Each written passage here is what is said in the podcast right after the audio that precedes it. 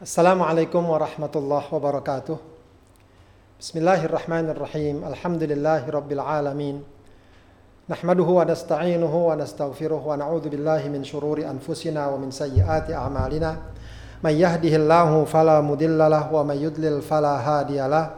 Ashhadu an la ilaha illallah wahdahu la wa ashhadu anna Muhammadan abduhu wa rasuluhu la nabiyya ba'dah.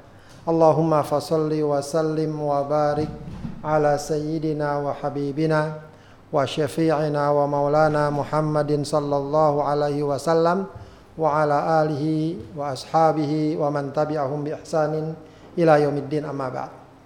Sahabat Edrim di mana saja berada, semoga kita selalu berada dalam lindungan rahmat, kasih sayang dan uh, keridhaan Allah Subhanahu wa taala. Uh, kita akan melanjutkan kajian kita ya, masih tentang silsilah ya, rukun arkanul iman, silsilah rukun iman. Kita masih dalam beriman ya, bagian dari keimanan kepada hari akhir.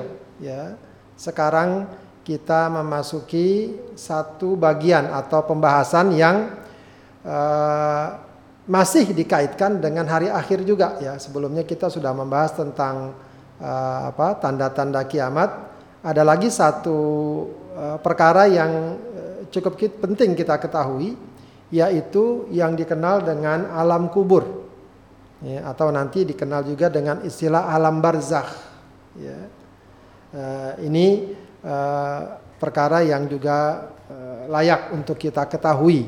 Ya karena juga sering kali perbincangan tentang alam kubur ini justru malah digiring pada perkara-perkara yang kadang-kadang tidak jelas sumbernya, tidak jelas dasarnya, ya cenderung kepada uh, keyakinan-keyakinan khurafat ya, yang kadang-kadang tidak ada landasannya. Ya sering juga hanya dibuat sebagai cerita-cerita ya makanya sering kita dengar cerita apa namanya misteri kubur atau apa begitu ya, ya sementara uh, apa yang Eh, diajarkan dalam syariat ya, tentang alam kubur ini uh, memiliki uh, patokan-patokan dan landasannya sendiri. Tentu saja juga di samping itu ya kajian kita ini hendaknya mengingatkan kita juga ya tentang kematian. Ya, makanya kita juga diperintahkan untuk berziarah kubur adalah agar uh, mengingat kematian. Ya, alam kubur uh, selayaknya mengingatkan kita akan satu perjalanan kehidupan yang pasti akan kita lalui. Cepat atau lambat pasti akan kita lalui. Ya, karena uh, kehidupan manusia ini uh, yang terjadi sekarang, ya sekarang kita berada di alam dunia, ya nanti kita akan masuk ke alam barzakh sebelum kita masuk ke alam akhirat.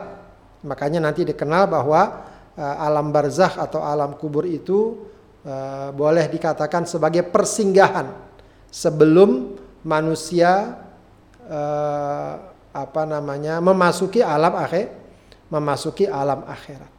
Baik, kita coba sedikit demi sedikit bahas ya tentang kehidupan di alam kubur ya, dan tentu saja jangan kita bayangkan ya bagaikan cerita-cerita misteri dan semacamnya ya sebab alam kubur ini termasuk perkara gaib ya, yang kita tidak ketahui hakikatnya secara detail kecuali sebatas apa yang disampaikan ya, dalam nas-nas yang ada dalam Al-Quran, dalam hadis dan tentu saja selalu kita katakan juga uh, bimbingan pemahaman dari para ulama dari para ulama. Baik, alam kubur sebagaimana kita katakan tadi ya itu dikenal juga dengan istilah alam barzakh ya alam barzakh. Ya jadi kehidupan kubur adalah kehidupan barzakh al hayatul barzakhiyah. Apa artinya barzakh? Para ulama mengatakan al barzakh adalah al hajiz bainasyai'aini ya, pembatas antara dua perkara. Jadi antara dua hal maka di tengah ada batasnya yang menghalangi masing-masing dari kedua ini untuk bercampur dan bertemu. Nah, itu barzakh.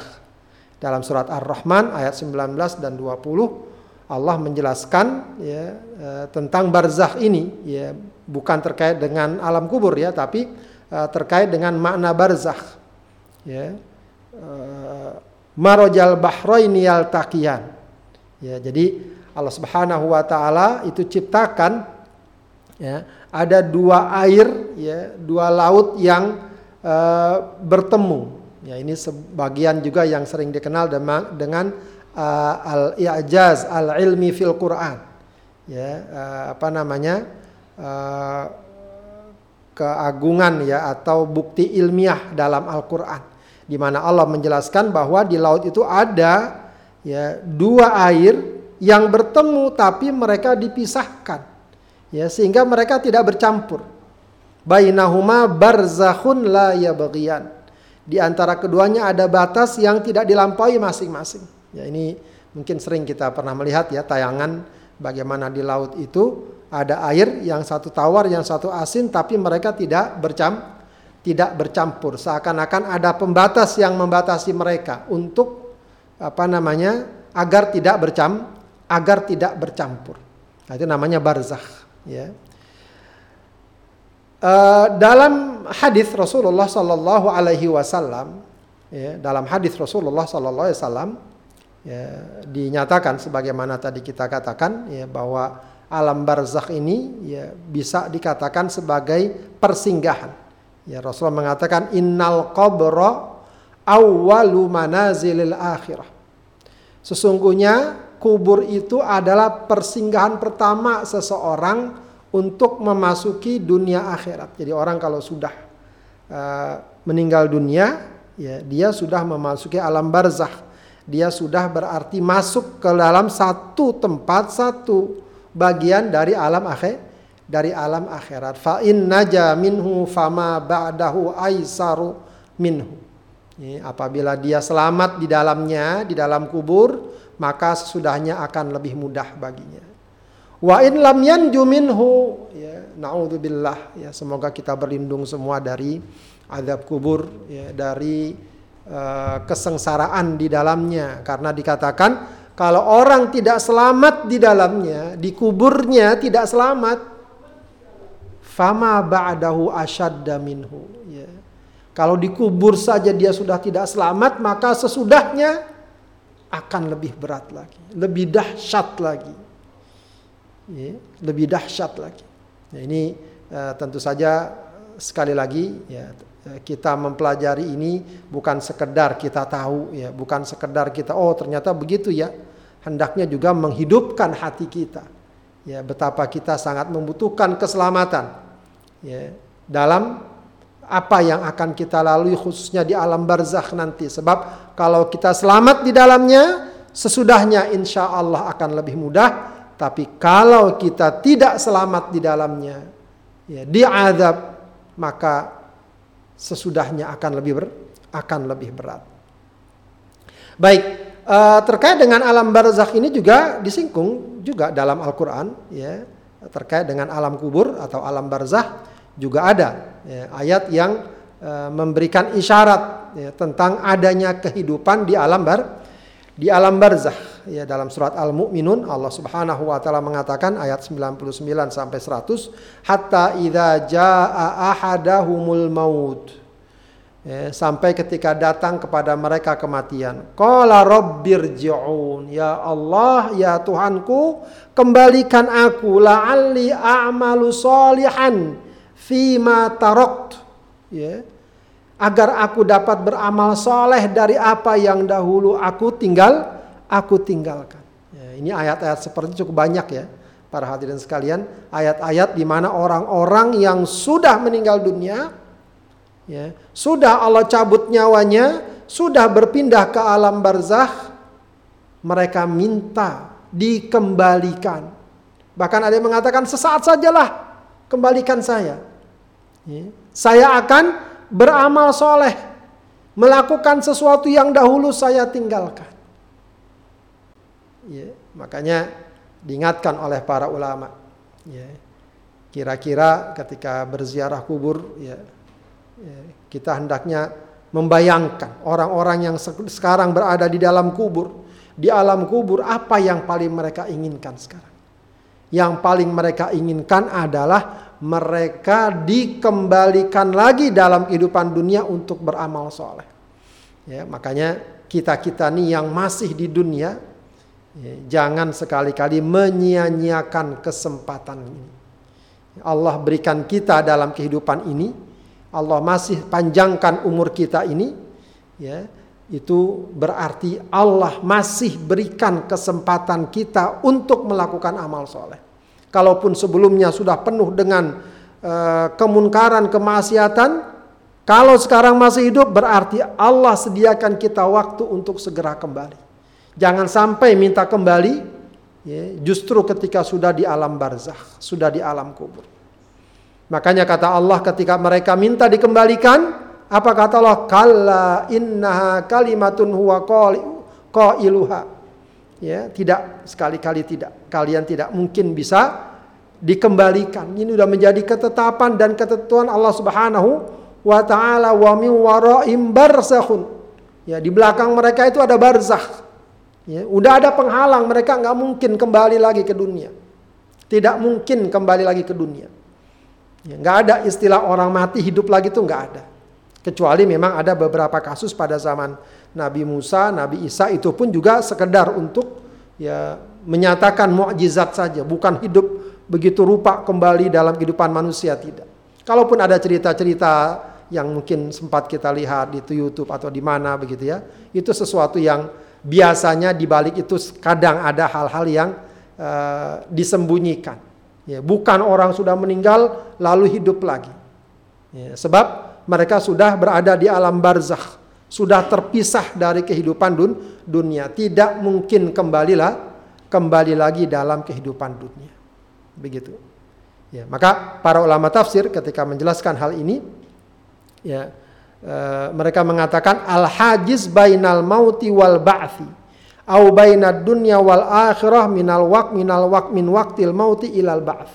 Ya, jadi Eh, barza itu adalah batas antara kematian dan kebangkitan, antara dunia dan akhirat dari saat kematian hingga hari kebangkit hingga hari kebangkitan. Ya. Baik, uh, berikutnya yang juga memang sering jadi permasalahan atau perbincangan ini memang adalah masalah ruh arwah. Ya. Manusia, ya, jadi kapan alam barzakh ini dimulai? alam barzakh ini dimulai ketika manusia menghadapi kematian, ketika roh dicabut oleh Allah dari jasad seseorang. Di situlah mulai dia masuk ke alam bar ke alam barzakh. Ya, ke alam kubur. Jadi harus juga kita pahami ya, alam kubur itu bukan kuburan. Kuburan itu dunia. Ya, kalau yang kita lihat digali kubur, ya, nah itu kuburan. Ya, itu dunia. Ya mungkin aja kita gali, oh ini alam kubur. Bukan. Alam kubur yang dimaksud adalah alam barza, alam gaib yang berbeda dengan alam yang kita tempati sekarang. Dan hakikatnya bagaimana? Wallahu alam. Ya. Hakikatnya gimana, mereka di mana dan lain sebagainya itu merupakan ya, kekuasaan Allah Subhanahu wa taala. Ya. Hanya saja memang eh, para ulama mengatakan bahwa alam barzakh ini dimulai ketika nyawa seseorang dicabut oleh Allah Subhanahu wa taala. Ya. Maka jangan kemudian kita pahami alam kubur itu kuburan ya sebab kadang bisa jadi ada orang yang nggak dikubur misalnya. Ya, Firaun nggak dikubur, tapi dia masuk alam barzah. Ada orang yang tenggelam atau bagaimana tidak dikubur, bukan berarti dia nggak masuk ke alam kubur. Ya, seseorang dengan kematiannya dia berarti sudah masuk ke alam kubur, ke alam bar, ke alam barzah. Nah, uh, di antara perkara ya, uh, yang dibicarakan juga adalah ruh manusia itu ketika telah dicabut, ya uh, ke mana mereka atau dikemanakan? Nah, ini memang perbincangan tentang ruh ini perbincangan yang uh, di satu sisi sangat menarik, tapi ya dalam tanda kutip kita katakan penuh misteri. Ya Jangankan manusia sudah meninggal kemudian ruhnya dicabut ke mana? Ya kita hidup saja ini ya perkara ruh ini perkara yang sangat misteri. Memang ada kita rasakan. Nah, manusia hidup, manusia mati itu nyata. Berarti manusia ada ruhnya kita. Ini semua bisa berbicara, bisa hidup bergerak karena ada ruhnya. Ya. Namun tidak ada yang sekarang tahu misalnya bagaimana bentuk ruh itu, bagaimana hakikatnya. Ya, ini saja sudah menggambarkan ya betapa kekuasaan dan keagungan Allah. Betapa ilmu Allah itu tidak ada bandingannya. Sedikit pun ya, dari ilmu yang dikumpulkan dalam manusia dibanding ilmu Allah. Ya, tidak ada bandingannya. Perkara ruh aja yang ada dalam diri kita tidak ada orang yang tahu ilmuwan mana yang bisa mendeteksi ruh.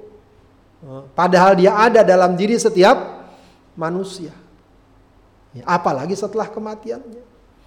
Ya, maka perbincangan tentang ruh ini ya memang hanya dibatasi berdasarkan apa yang telah disampaikan apakah dalam Al-Quran atau dalam ha atau dalam hadis. Ya, dalam riwayat yang cukup panjang ya hadis riwayat Ibnu Majah ya, dikatakan bahwa Uh, orang yang beriman, ya, kata Rasulullah Sallallahu Alaihi Wasallam, jika sudah habis masanya di dunia, maka malaikat akan datang kepadanya dengan hati dengan muka berseri. Mereka membawa kain kafan dari surga yang wangi, yang semerbak, ya, lalu duduk di hadapannya.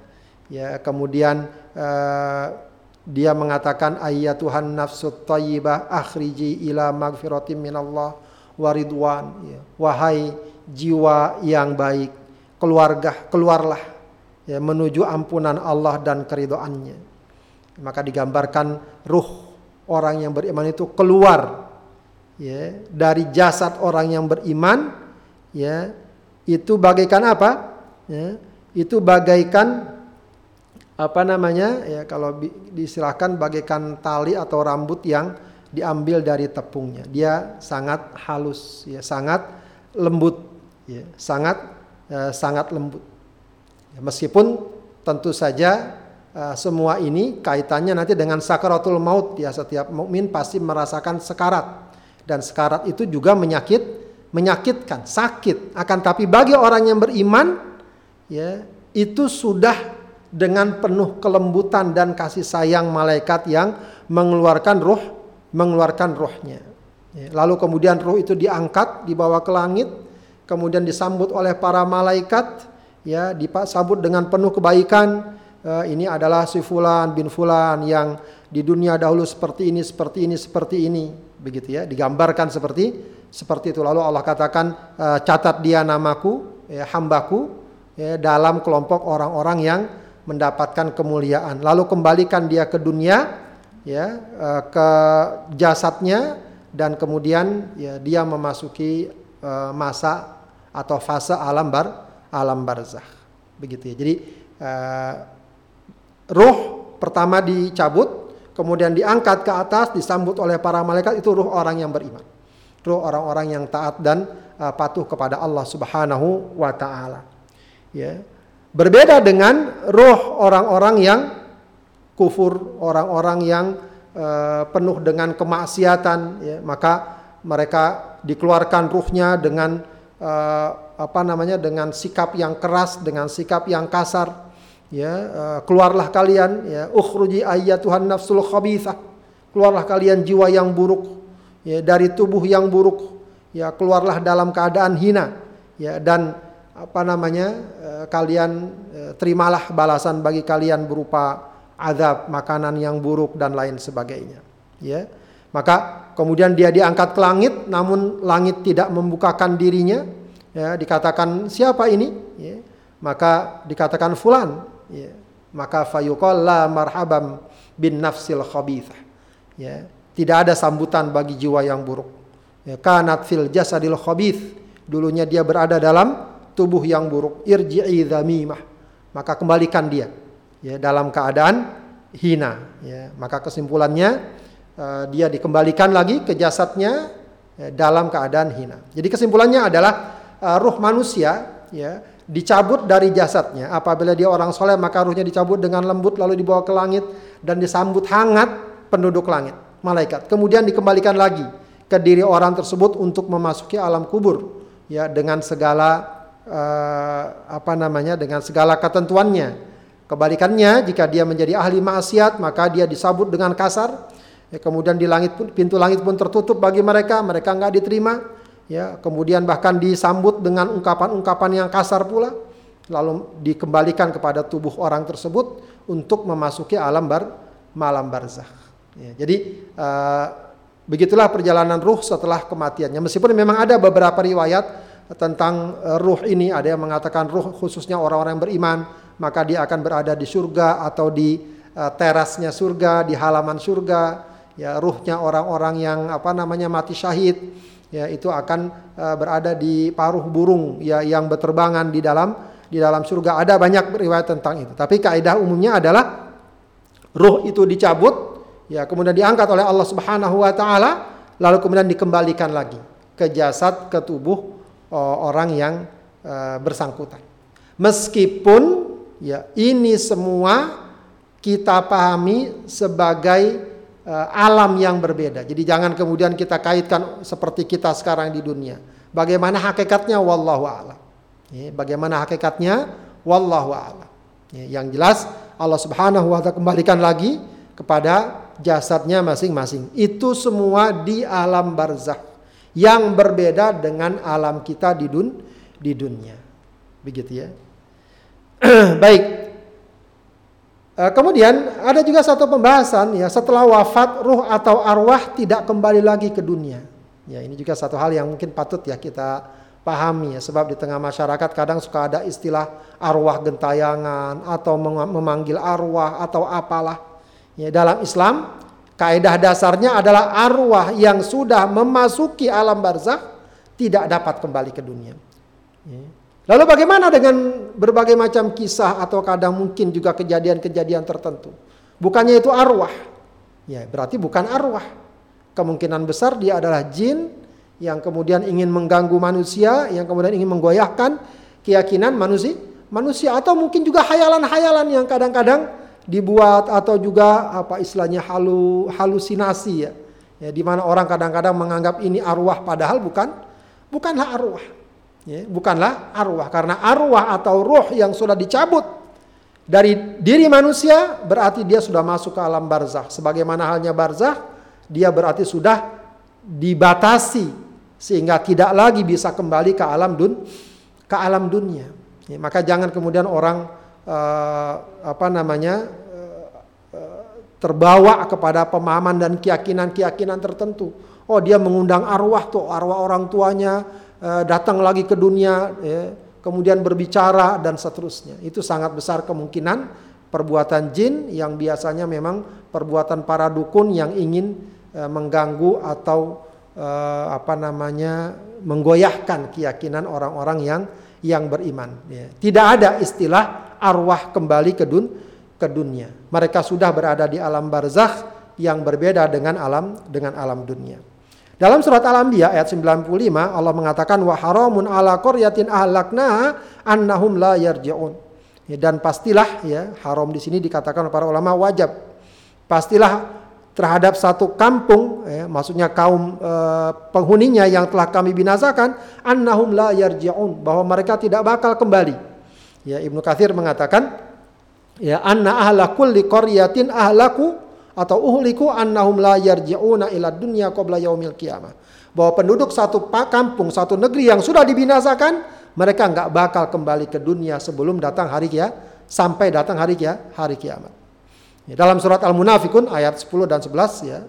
Wa anfiqu mimma razaqnakum dan infakkan dari apa yang kami rizkikan kepada kalian min qabli an ya'tiya ahadakumul maut sebelum datang kepada kalian kematian fayaqula rabbi laula akhartani ila ajalin qarib lalu dia mengatakan ya rabbi ya Tuhanku tundalah kematianku nah ini lagi-lagi sama sama dengan tadi ya keinginan-keinginan yang baru hadir saat segala sesuatunya sudah terlambat Ya, sudah mau datang kematian dia bilang nanti dong tunggu dulu saya mau beramal soleh. Ya, saya mau menjadi orang soleh. Kalau di sini dikatakan faas sodako. Ya, saya mau bersedekah. Ya, mau bersedekah. Ya, ini cukup unik ya. Dia pengen dikembalikan. Apa yang mau dia lakukan sedekah? Kata para ulama, kenapa kok sedekah yang dia pilih? Kenapa bukan tahajud, bukan puasa, bukan tilawatul Quran? Karena sedekah paling gampang, paling cepat keluarin duit, Ya, niat sedekah sudah ibadah sedekah. Ya, maka ini juga pelajaran bagi kita untuk jangan berat-berat untuk bersedekah. Ya, jangan berat merasa berat untuk bersedekah apalagi kepada orang-orang yang memang sangat membutuhkan. Ya, toh juga harta kita akan kita tinggalkan. Ketimbang kita tinggalkan kemudian setelah kematian tidak bermanfaat buat kita, ya, justru sangat berharga kalau kita tinggalkan harta kita sudah kita titipkan di orang miskin, di masjid, di pesantren, di jalan-jalan kebaikan sehingga bermanfaat setelah kematian kita. Ya. Maka fayaqula rabbi laula akhartani ketika datang kematian nanti ada orang mengatakan ya Allah tundalah kematianku ila ajalin qarib. Ya. Sampai waktu sedikit aja lah, ya. Sebentar aja, ajalin qarib. Fa wa akum minas solihin. Agar aku dapat bersedekah dan aku menjadi orang soleh. Ya, beginilah lagi-lagi keinginan orang-orang yang telah datang kepadanya kemati kematian. Walayu akhirallahu nafsan idza jaa ajaluha. Dan Allah tidak akan menunda sedikit pun uh, satu jiwa jika ajalnya sudah datang.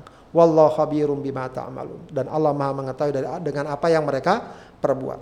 Nah, uh, Para ulama mengatakan ayat ini menunjukkan ya, bahkan ya, ketika dia masih dalam sakratul maut pun ketika sudah datang ketetapan Allah sedetik pun tidak dapat ditunda. Apalagi kalau dia sudah masuk ke alam barzah.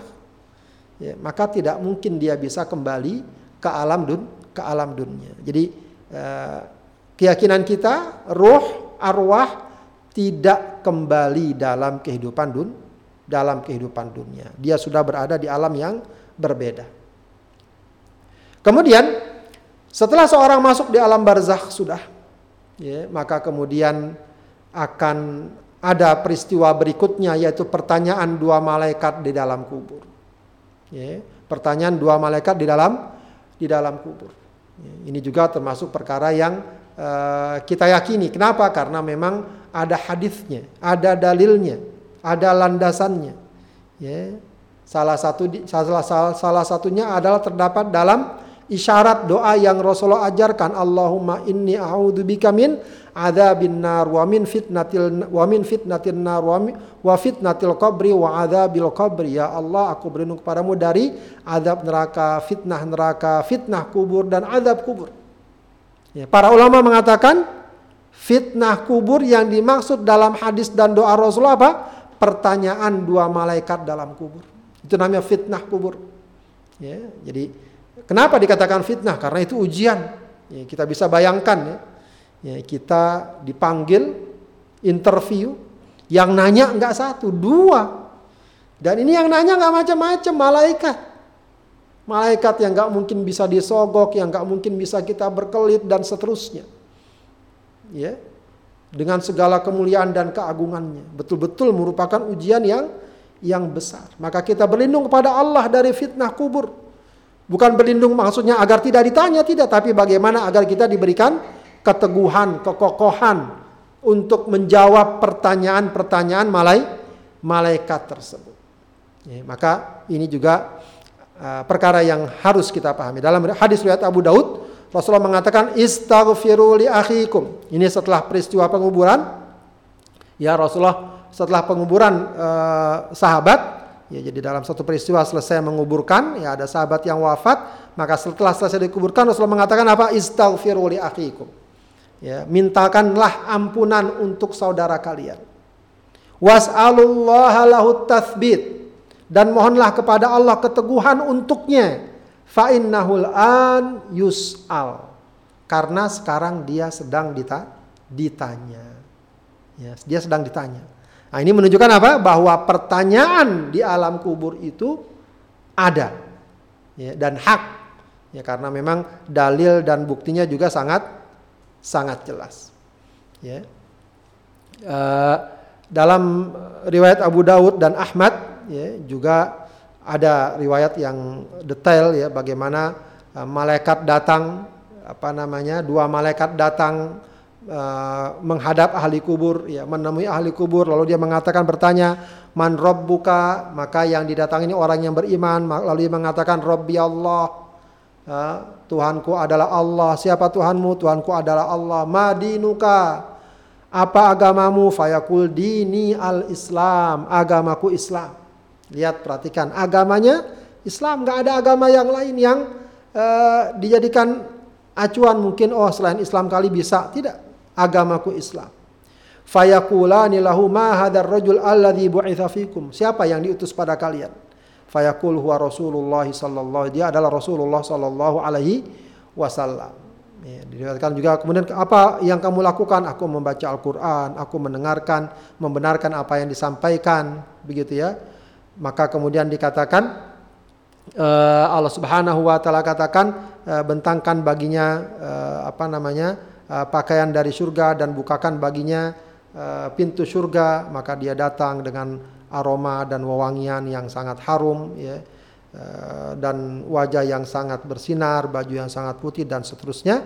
Ya, kemudian disambut oleh seorang yang eh, dengan wajah yang sangat baik ya dengan baju yang sangat putih maka dikatakan absyir billadzi yassaraka hadza yaumukal ladzi kunta tu'ad. Ya. Apa namanya? Uh, selamat ya dengan uh, sesuatu yang apa namanya? menggembirakanmu di hari yang dinyanyikan buatmu ini. Ya.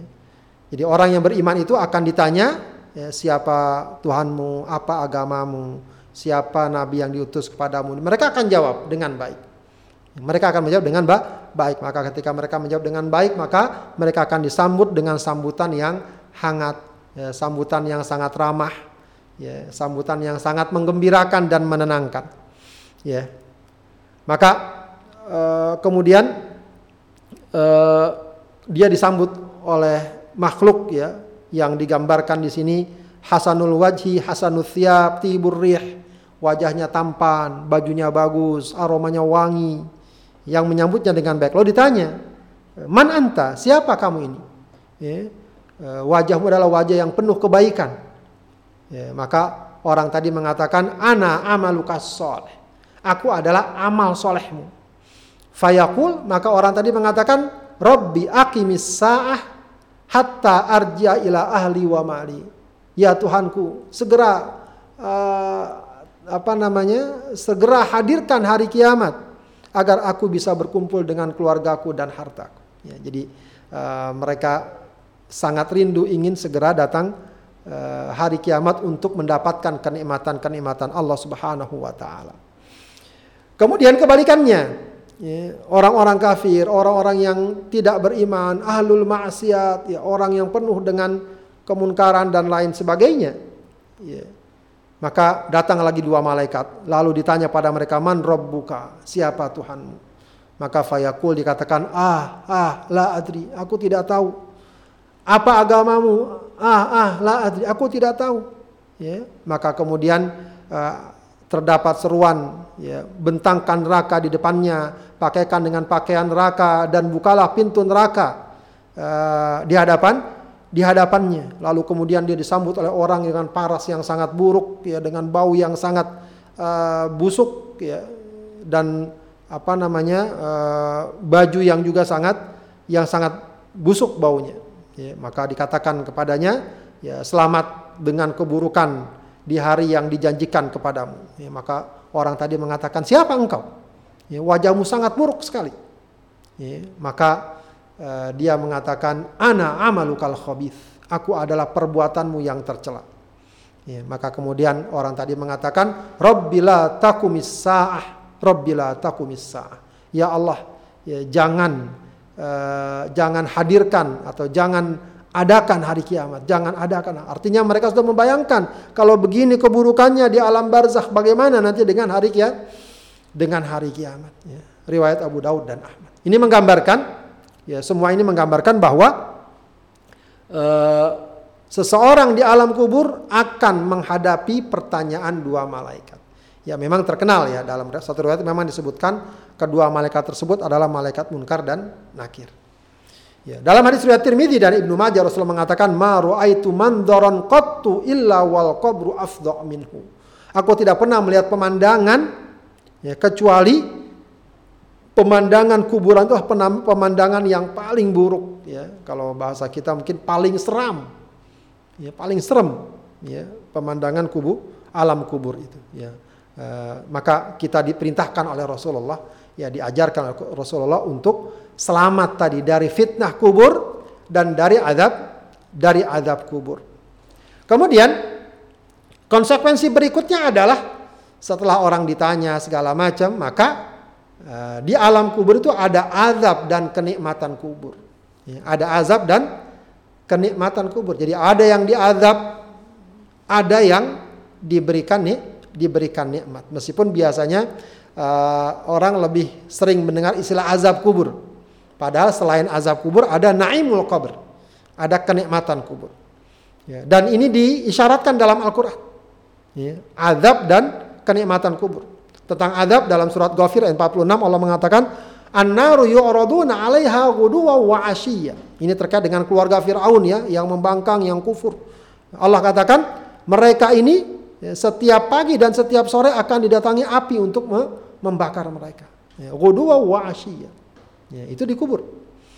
Dalam surat Yasin ayat 26 dan 27 ya, Allah menggambarkan orang yang beriman pada masa lalu ya jadi ada kisah namanya ashabul qaryah ya datangi eh, para nabi datangi dua nabi tidak cukup ditambah lagi tiga nabi orang masih membangkang masih menolak mereka dengan berbagai macam uh, dalih ya menentang rasul yang menyampaikan agama Allah kemudian uh, digambarkan dalam surat yasin wajah rajulun min aqsal madinah ya, datang orang dari pinggir kota Justru dia mengatakan berimanlah kepada mereka, para rasul. Mereka mengajak kalian tidak mengharap pahala. Maka saya beriman. Ya dikatakan namanya adalah Habib An-Najjar. Ya, dan e, kemudian rupanya orang ini oleh penduduk negeri tersebut dibunuh. Ya, karena dia sendiri yang masih yang mau beriman, yang lain nggak mau beriman. Setelah dia dibunuh dan dia meninggal, ya, masuk dia ke alam barzakh. Apa dikatakan kepadanya? Kila jannah Dikatakan kepada masuklah kamu ke dalam surga. Ya ada yang masuk, ada yang mengatakan uh, bahwa masuknya bukan masuk hakiki, tapi dia dijanjikan untuk masuk ke dalam surga. Ya, maka apa yang dikatakan kepada orang tadi? Qala ya laita qaumi. Seandainya kaumku mengetahui. Ya, mereka nggak tahu bahwa yang diajak para nabi, para rasul adalah kebaik, kebaikan, keimanan. Ya, Seandainya kaumku mengetahui bima ghafaroli robbi dengan ampunan Tuhanku kepadaku wajah alani minal mukramin dan menjadikan aku menjadi orang-orang yang yang mulia. Ya ini berarti apa? Kenikmatan. Ya, kenikmatan dan e, balasan kebaikan yang diterima oleh seorang hamba di alam di alam kuburnya. Ya menggambarkan lagi-lagi bahwa di alam kubur ada yang mendapatkan nikmat, ada yang mendapatkan azab. Ya, ada yang mendapatkan azab. Ya, juga beberapa hadis Rasulullah SAW juga menunjukkan hal itu ya. ya. hadis riwayat Bukhari yang cukup terkenal ya Rasulullah SAW pernah melewati dua kuburan maka dia mengatakan apa innahuma la yu'adzabani keduanya sedang diazab wa ma yu'adzabani fi kabirin ya keduanya tidak diazab dalam perkara besar ya Amma hadha yang satu fakana la yastatiru min bauli. Enggak mau berlindung atau enggak mau ber, bersembunyi ya, apa namanya? saat kencing. Ada juga yang mengatakan la yastanzihu min bauli. Tidak mau membersihkan kencingnya. Ya, dua-duanya merupakan perkara yang diperintahkan dalam Islam. Orang kalau buang hajat hendaknya dia berusaha berada di tempat yang tertutup, jangan sampai di sana sini kelihatan orang. Begitu ya. Atau juga dia juga diperintahkan untuk membersihkan kotorannya dan najis dan najisnya. Jangan ditinggalkan sebab itu bisa jadi menjadi penyebab dari azab dari azab kubur. Ya. Yang kedua, fakana yamshi bin namimah. Beliau yang satu diazab karena melakukan namimah, adu domba, ke sana beda, ngomong ke sini beda sehingga orang-orang ribut satu sama lah, satu sama lain. Nah, hadis ini menggambarkan apa? Adanya azab adanya azab kubur. Dalam hadis riwayat Tirmidzi Rasulullah mengatakan al qabru raudhatun min riyadil jannah. Kubur itu ada yang menjadi taman di antara taman surga au hufratun min hufarin niron atau dapat menjadi lobang di antara lobang neraka. Jadi ini juga menunjukkan tentang adanya azab, adanya kenikmatan. Yang mendapatkan nikmat, maka kuburan walau mungkin kalau kita lihat secara fisik gitu ya, yang namanya kuburan seram, kayaknya gelap, tapi bagi orang yang ada di alam kubur kalau dia membawa amal soleh, membawa keimanan yang benar, yang baik, ya bukan ahli maksiat, maka kuburan itu ya bukan kuburan ya, alam kubur baginya bagaikan taman sur taman surga. Tapi kalau naudzubillah dia membawa kekufuran, kemusyrikan, ya, kemunkaran dan kemaksiatan yang sedemikian banyaknya, ya, maka kubur, ya, alam kubur baginya bagaikan hufratun min hufarin nira. Ya, di antara lubang neraka. Maka di antara doa yang juga sering apa namanya kita panjatkan bagi orang-orang yang sudah meninggal dunia, ya buat orang tua kita, kita doakan semoga kuburnya Allahumma ja'al qabrahuma ya raudhatan min riyadil jannah wala taj'al qabrahuma hufratan min hifarin min hufarin niran. Ya jangan jadikanlah kuburnya sebagai taman di antara taman surga dan jangan jadikan kuburnya ya, sebagai lobang di antara lobang neraka. Baik, ada permasalahan lain juga yang kadang-kadang dibicarakan terkait dengan alam kubur. Apakah mayit di kuburnya mengetahui apa yang dilakukan keluarganya di dunia? Ya, Ya ini juga karena jadi pembicaraan ya. Kira-kira mayat di kuburnya itu ngeliatin kita nggak seperti kita misalnya sekarang ngelihat monitor nih, ya, ngelihat monitor, oh si fulan lagi ini, si fulan lagi itu, si fulan lagi ini dan seterusnya. Ya. Eh, tidak ada riwayat yang menunjukkan bahwa mayat di kuburnya mengetahui segala sesuatu yang dilakukan keluarganya di dunia. Ya. Tidak ada riwayat seperti seperti itu. Ya. Kalaupun ada juga riwayat, ya ada riwayat memang ya, ketika uh, mayit datang yang satu meninggal dunia maka masuk ke dalam barzah maka saudara-saudara akan bertanya tentang keluarganya di dunia itu ada riwayat seperti itu ya. yang ada juga adalah uh, riwayat bahwa mereka mengetahui siapa yang menziarahinya dan dia senang dengan kedatangannya ya, dalam hadis yang diriwayatkan oleh Ibnu Abdul Bar dan ini saya perhatikan juga banyak para ulama yang menguatkan dan mensahihkan hadis ini ya di mana Rasulullah mengatakan ma min ahadin marra bi qabri aqihil mu'min.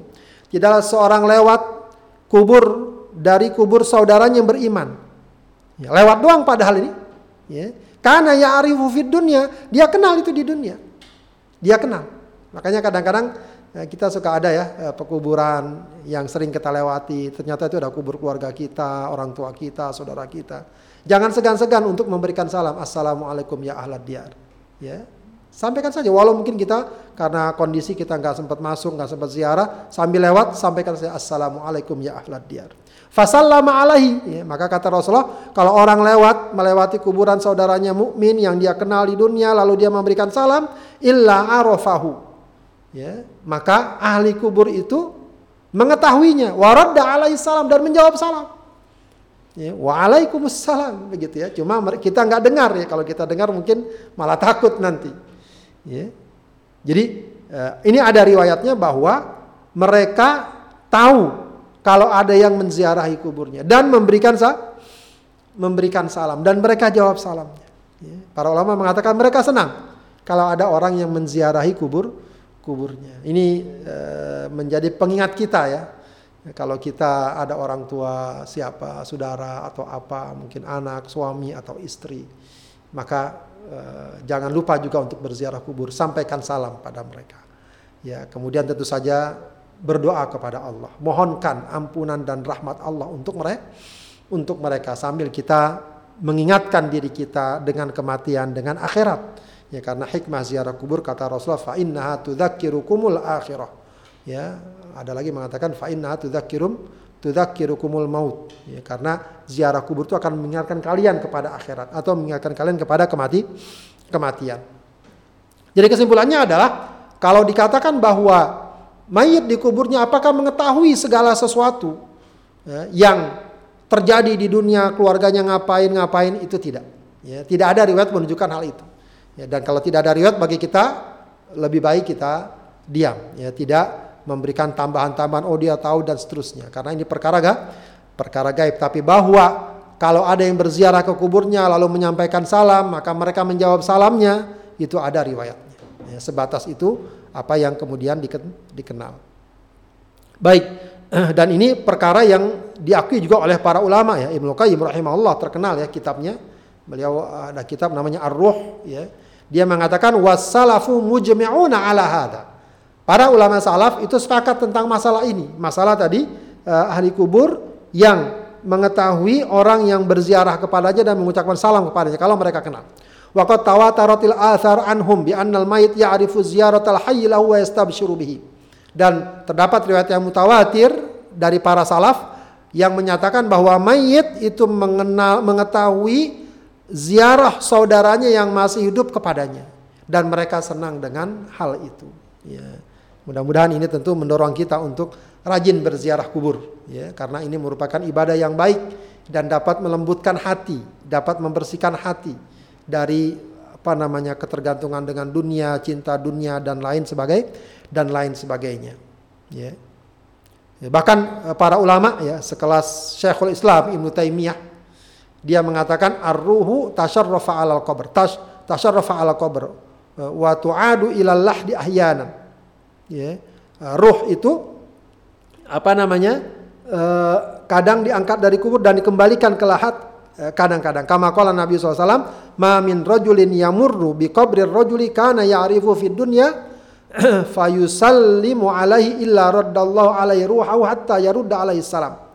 Ya, maka tidak ada seorang yang melewati kuburan yang dia kenal dari orang ter tersebut di dunia itu lalu dia memberikan salam, ya, maka Allah akan kembalikan roh dari ahli kubur tadi ya, agar dia menjawab uh, menjawab salam. Ya. Wal mayyit qad ya'rifu man yazuruhu. mayit itu dapat mengetahui siapa yang menziarahinya. Walihada kanati sunnah an yuqal assalamu alaikum ah ahla daru qaumi mu'minin atau assalamu alaikum ya ahla diyar yang kita kenal wa inna insyaallah bikum la lahikun ya. Assalamu alaikum ya ahla diyar wa inna insyaallah bikum lahikun. Kita ucapkan salam kepada ahli kubur. Menunjukkan apa? Menunjukkan bahwa mereka berarti ya, paham ya karena Assalamualaikum ya dia itu adalah ungkapan mukhatab ya. ya. Artinya orang kita berbicara dengan orang kedua. Yang orang kedua itu berarti paham dengan apa yang kita sampaikan. Ya, maka kalau diriwayatkan mereka menjawab salam, ya, itu sesuatu yang sesuai dengan sunnah Rasulullah bagi kita untuk memberikan memberikan salam kepada ahli ahli kubur. Kemudian ada lagi satu permasalahan, apakah arwah saling bertemu di alam barzah? Ya, ini kalau tidak salah sebelumnya Eh, pernah datang ya pertanyaan di dalam kajian sebelumnya yang mengatakan apakah arwah saling bertemu, saling berjumpa? Ya saya sempat jawab bahwa uh, setahu saya tidak ya, tapi memang ternyata ada riwayatnya. Ya karena memang uh, perkara seperti ini tidak bisa kita buat-buat, kita reka-reka, kita karang-karang. Ya, ternyata para ulama banyak menyimpulkan bahwa ya di alam barzah itu arwah bisa saling bertemu dan bahkan mereka saling berkunjung. Tentu saja dalam hal ini adalah arwah orang-orang beriman. Sebab kalau arwah orang-orang kafir mereka udah nggak sempat lagi bertemu berkunjung, mereka menghadapi siksa Allah dan adab Allah Subhanahu wa taala. Ya. Dalam surat uh, apa namanya? Ali Imran ya, enggak sebelumnya nih ya. Ayat apa nih ya? Wa may yuti'illah war rasula faulaika ma'al ladzina an'ama Allahu alaihim minan nabiyyin was-siddiqin wasyuhada' wassalihin wa hasuna ulaika rafiqa ya kata Allah Subhanahu wa taala siapa yang taat kepada Allah dan rasulnya ya siapa yang taat kepada Allah dan rasulnya ya dalam surat An-Nisa ya, ya ayat 69 Siapa yang taat kepada Allah dan Rasulnya bagaimana? Faulaika ma'alladzina an'amallahu alaihi. Maka mereka akan bersama orang-orang yang Allah beri nikmat minan nabiyina minan nabiyina yaitu dari kalangan para nabi wasiddiqina orang-orang yang siddiq yang imannya benar wasyuhada para syuhada wassalihin dan orang-orang salih wa hasuna ulaika rafiqa ya dan mereka mendapatkan uh, teman atau pendamping yang ba yang baik. Ah ini para ulama mengatakan ini di alam kubur. Mereka dikumpulkan, mereka bertemu antara orang-orang ba orang-orang ba orang-orang baik ya, para nabi ya kemudian apa namanya uh, para uh, solihin, para syuhada begitu ya, uh, dan seterusnya. Ya mereka kata Allah Subhanahu wa taala mereka bersama para nabi, para syuhada dan seterusnya. Ini salah satu pemahamannya oleh para ulama bahwa mereka berkumpul di alam barzah. Para arwah itu berkumpul di alam di alam barzah. Orang-orang yang baik, orang-orang yang soleh. Baik, kemudian dalam surat Ali Imran ayat 169 170 Allah mengatakan wala tahsabanna alladziina qutilu fi sabilillahi amwata. Jangan kalian kira orang-orang yang meninggal di jalan Allah itu mati. Bal ahya'un inda rabbihim yurzaqun. Mereka hidup di sisi Allah Subhanahu wa taala mendapatkan rezeki. Farihina bima atahumullah min fadlih. Mereka gembira dengan apa yang Allah berikan berupa keutamaannya. Wa yastabshiruna billadzina lam yalhaqu bihim min khalfihim. Allah khaufun alaihim walahum yahzanun. Ya. ya. Mereka ya apa namanya? Eh, memberikan kabar gembira kepada orang-orang yang tidak me, yang belum menemui mereka, menyusul mereka, ya bahwa jangan takut, ya jangan sedih, ya bahwa mereka akan mendapatkan kebaikan, ya bahwa mereka akan mendapatkan kebaikan, ya. Kemudian juga yastabsyiruna bi ni'matin minallahi wa fadl. Ya, mereka juga memberikan kabar gembira dengan uh, apa namanya uh, kenikmatan Allah dan karunia Allah Subhanahu wa taala. Ini dikatakan mereka satu sama lain saling mengucapkan selamat. Ya. Uh, selamat atas kebaikan-kebaikan yang telah Allah berikan kepadamu. Jadi mereka di antara mereka para syuhada ya mendapatkan kebaikan, mendapatkan uh, nikmat dari Allah, mereka saling ucapkan sel saling ucapkan selamat. Ini semua menunjukkan bahwa uh, arwah di alam barzah, di alam kubur bertemu, saling berkunjung, saling menyapa.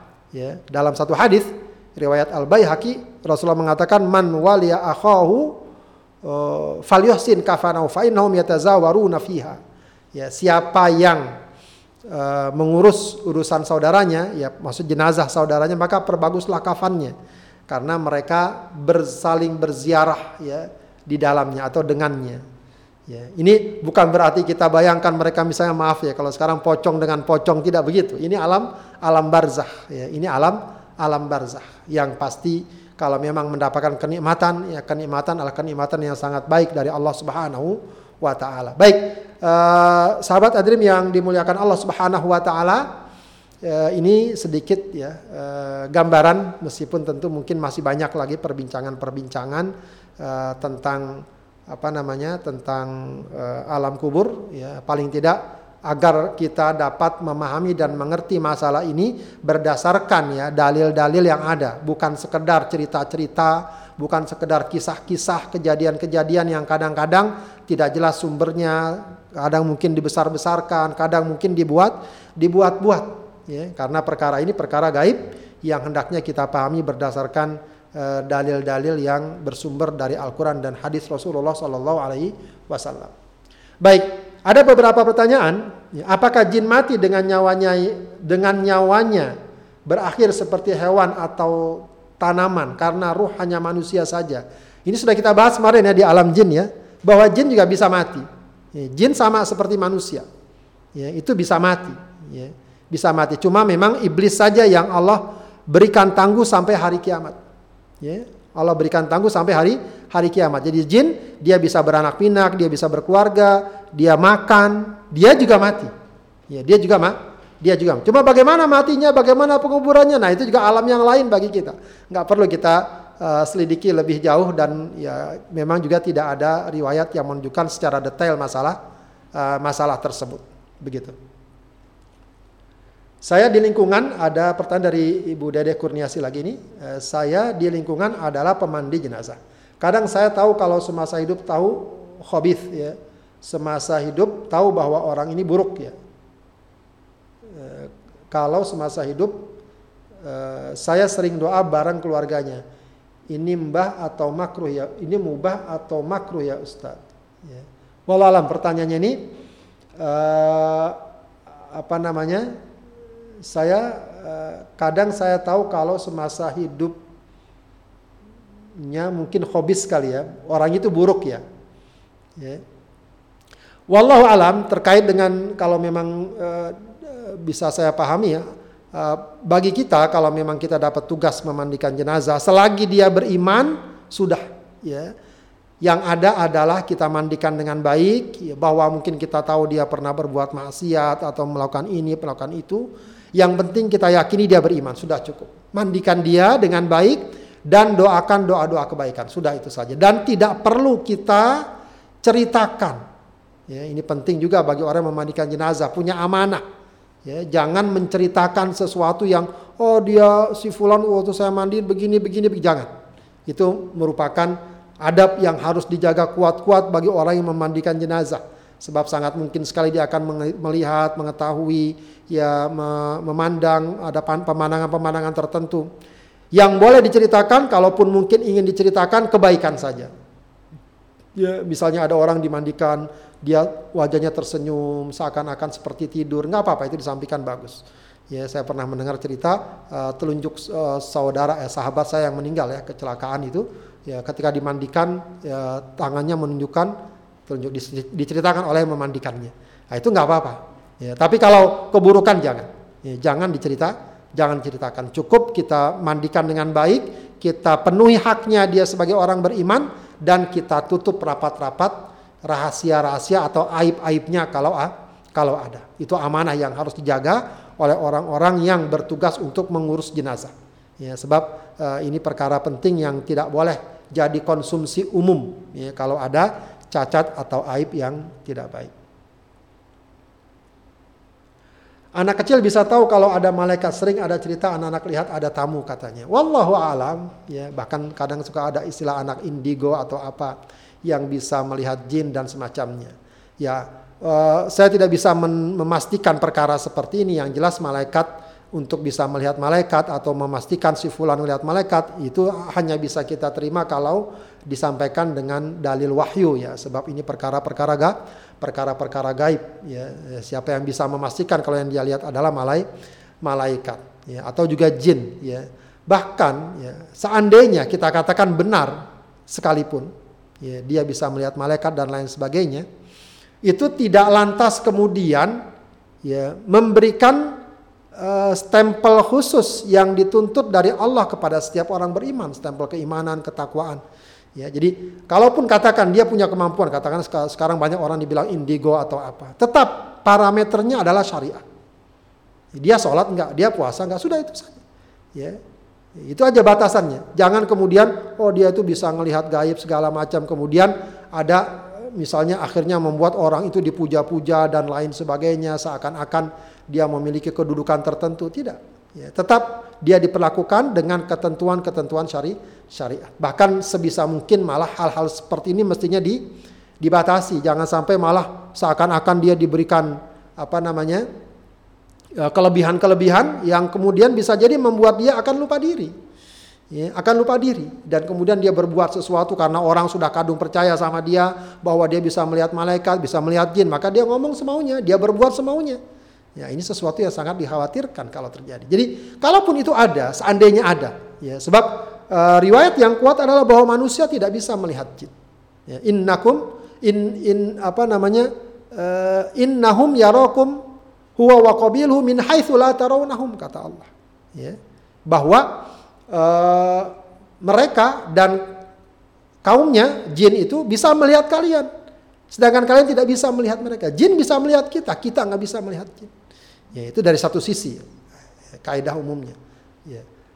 Kalaupun katakan mungkin saja, wallahu alam, Allah berikan dia kelebihan sehingga bisa melihat jin, tetap saja, ya tidak kemudian lantas kita anggap dia sebagai wali Allah, sebagai misalnya siapa, tidak. Parameternya adalah kepada syariat. Apakah dia tunduk kepada ketentuan syariat, sholatnya baik, akhlaknya baik, ibadahnya baik, tauhidnya baik. Ya. Jadi patokannya itu, jangan kemudian kita tergiring ter, apa namanya tergiring atau terbius pada nanti keyakinan-keyakinan yang tidak yang tidak benar. Apalah artinya dia misalnya melihat ini melihat itu kalau misalnya sholatnya nggak benar, ya imannya kepada Allah tidak benar, ya apalah artinya semua semua itu.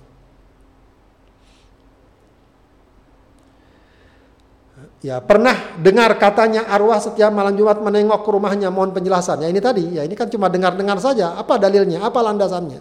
Nah, itu patut di, dipahami ya. Intinya adalah arwah tidak kembali ke dunia. Arwah sudah berada di alam bar. Setelah kematian seseorang, arwah berada di alam barzah.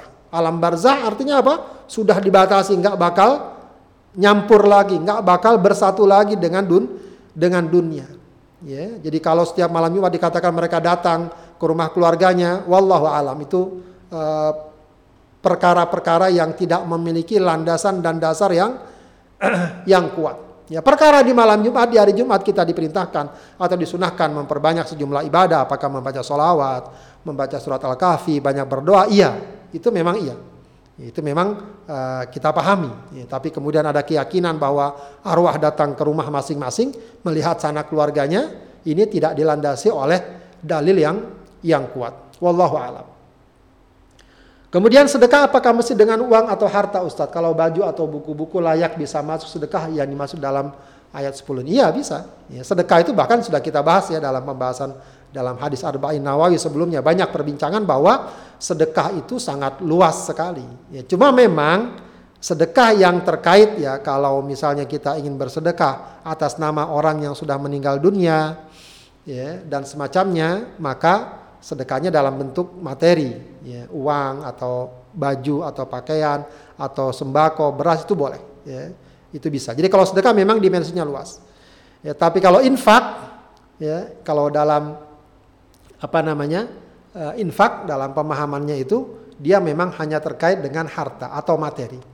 Itu hanya istilah saja, hanya istilah saja. Ya. Jadi kalau kita ingin bersedekah tentu saja dengan materi, apakah uang, apakah pakaian, apakah makanan. Tapi juga kalau memang seseorang uh, tidak mampu untuk mengeluarkan materi untuk bersedekah, sebagaimana kata Rasulullah, maka uh, al kalimah at-tayyibah sodakoh. Ya, perkataan yang baik adalah sodakoh uh, bertahmid, tahlil, takbir, ya, tasbih itu semua soda, sodako. Kamu menolong orang sodako. Kamu memberikan nafkah kepada keluarga adalah soda, sodako dan seterusnya dan seterusnya. Ya, ini semua menggambarkan bahwa sedekah dimensinya sangat lu, sangat luas. Ya. Wallahu alam biswab. Uh, ada lagi pertanyaan lagi, uh, Asal Ustaz, apakah arwah bisa datang lewat mimpi? Oh iya, cukup bagus ya. Tadi ada satu permasalahan yang memang belum sempat saya bahas apakah arwah orang yang sudah mati bisa bertemu dengan arwah orang yang masih hidup? Tidak ada dalil yang menguatkan hal itu. Yang yang ada ya, yang ada kemungkinan dan ini juga memiliki eh, apa namanya? Eh, landasan dari perkataan para ulama yang ada kemungkinan dapat arwah dapat bertemu dengan arwah yang masih hidup dalam mimpi. Dalam dalam mimpi. Jadi wallahu alam ya kita mungkin pernah ya, mungkin uh, orang tuanya meninggal lalu ketemu dalam mimpi berbicara ber apa, berbicara atau apalah begitu ya. Nah, itu dikatakan juga oleh para ulama itu arwah yang dapat bertemu dalam dalam mimpi. Ya, meskipun lagi-lagi ini semua ya tidak kemudian lantas dijadikan sebagai patokan secara mendasar ya. Patokan secara menda mendasar. Ya. Maksudnya eh, dalam ajaran Islam, dalam syarat Islam, mimpi itu sudah tidak lagi menjadi patokan syariat. Misalnya ada orang ketemu, misal katakanlah ya, ketemu dengan arwah ulama mengajarkan mulai sekarang kamu saya ajarkan sholat subuhnya tiga rakaat misalnya. Ya, itu walaupun dia mungkin bermimpi seperti itu, maka itu tidak menjadi patok patokan. Tapi para ulama mengatakan bahwa kemungkinan iya, ya arwah orang yang sudah mati bertemu dengan arwah orang yang masih hidup dalam mimpi. Adapun dalam alam nyata, ya, dalam kehidupan nyata, dalam keadaan terjaga, itu umumnya tidak. Itu umumnya tidak. Dan banyak riwayat dan memang juga Rasulullah nyatakan ya bahwa orang yang melihatku dalam mimpi maka dia melihatku yang sebenarnya. Karena setan tidak bisa menyerupai aku kata Rasulullah Shallallahu Alaihi Wasallam. Maka itu berarti bertemu arwahnya dengan arwah Rasulullah SAW dalam mimpi dalam mimpi. Apakah Rasulullah SAW masih sibuk menjawab salawat salam dari umatnya dalam barzah? Ya, ya. Cuma jangan istilahkan sibuk ya, kesannya tidak tidak baik. Ya, artinya itu masalah alam gaib. Ya, bagaimana Rasul jawabnya salam umatnya yang begitu banyak? Ya itu alam gaib. Allah yang akan berikan uh, kemampuan, kekuasaan dan seterusnya. Ya, jadi nggak perlu kita banding-bandingkan. Oh, betapa repotnya yang ngucapin salam setiap hari.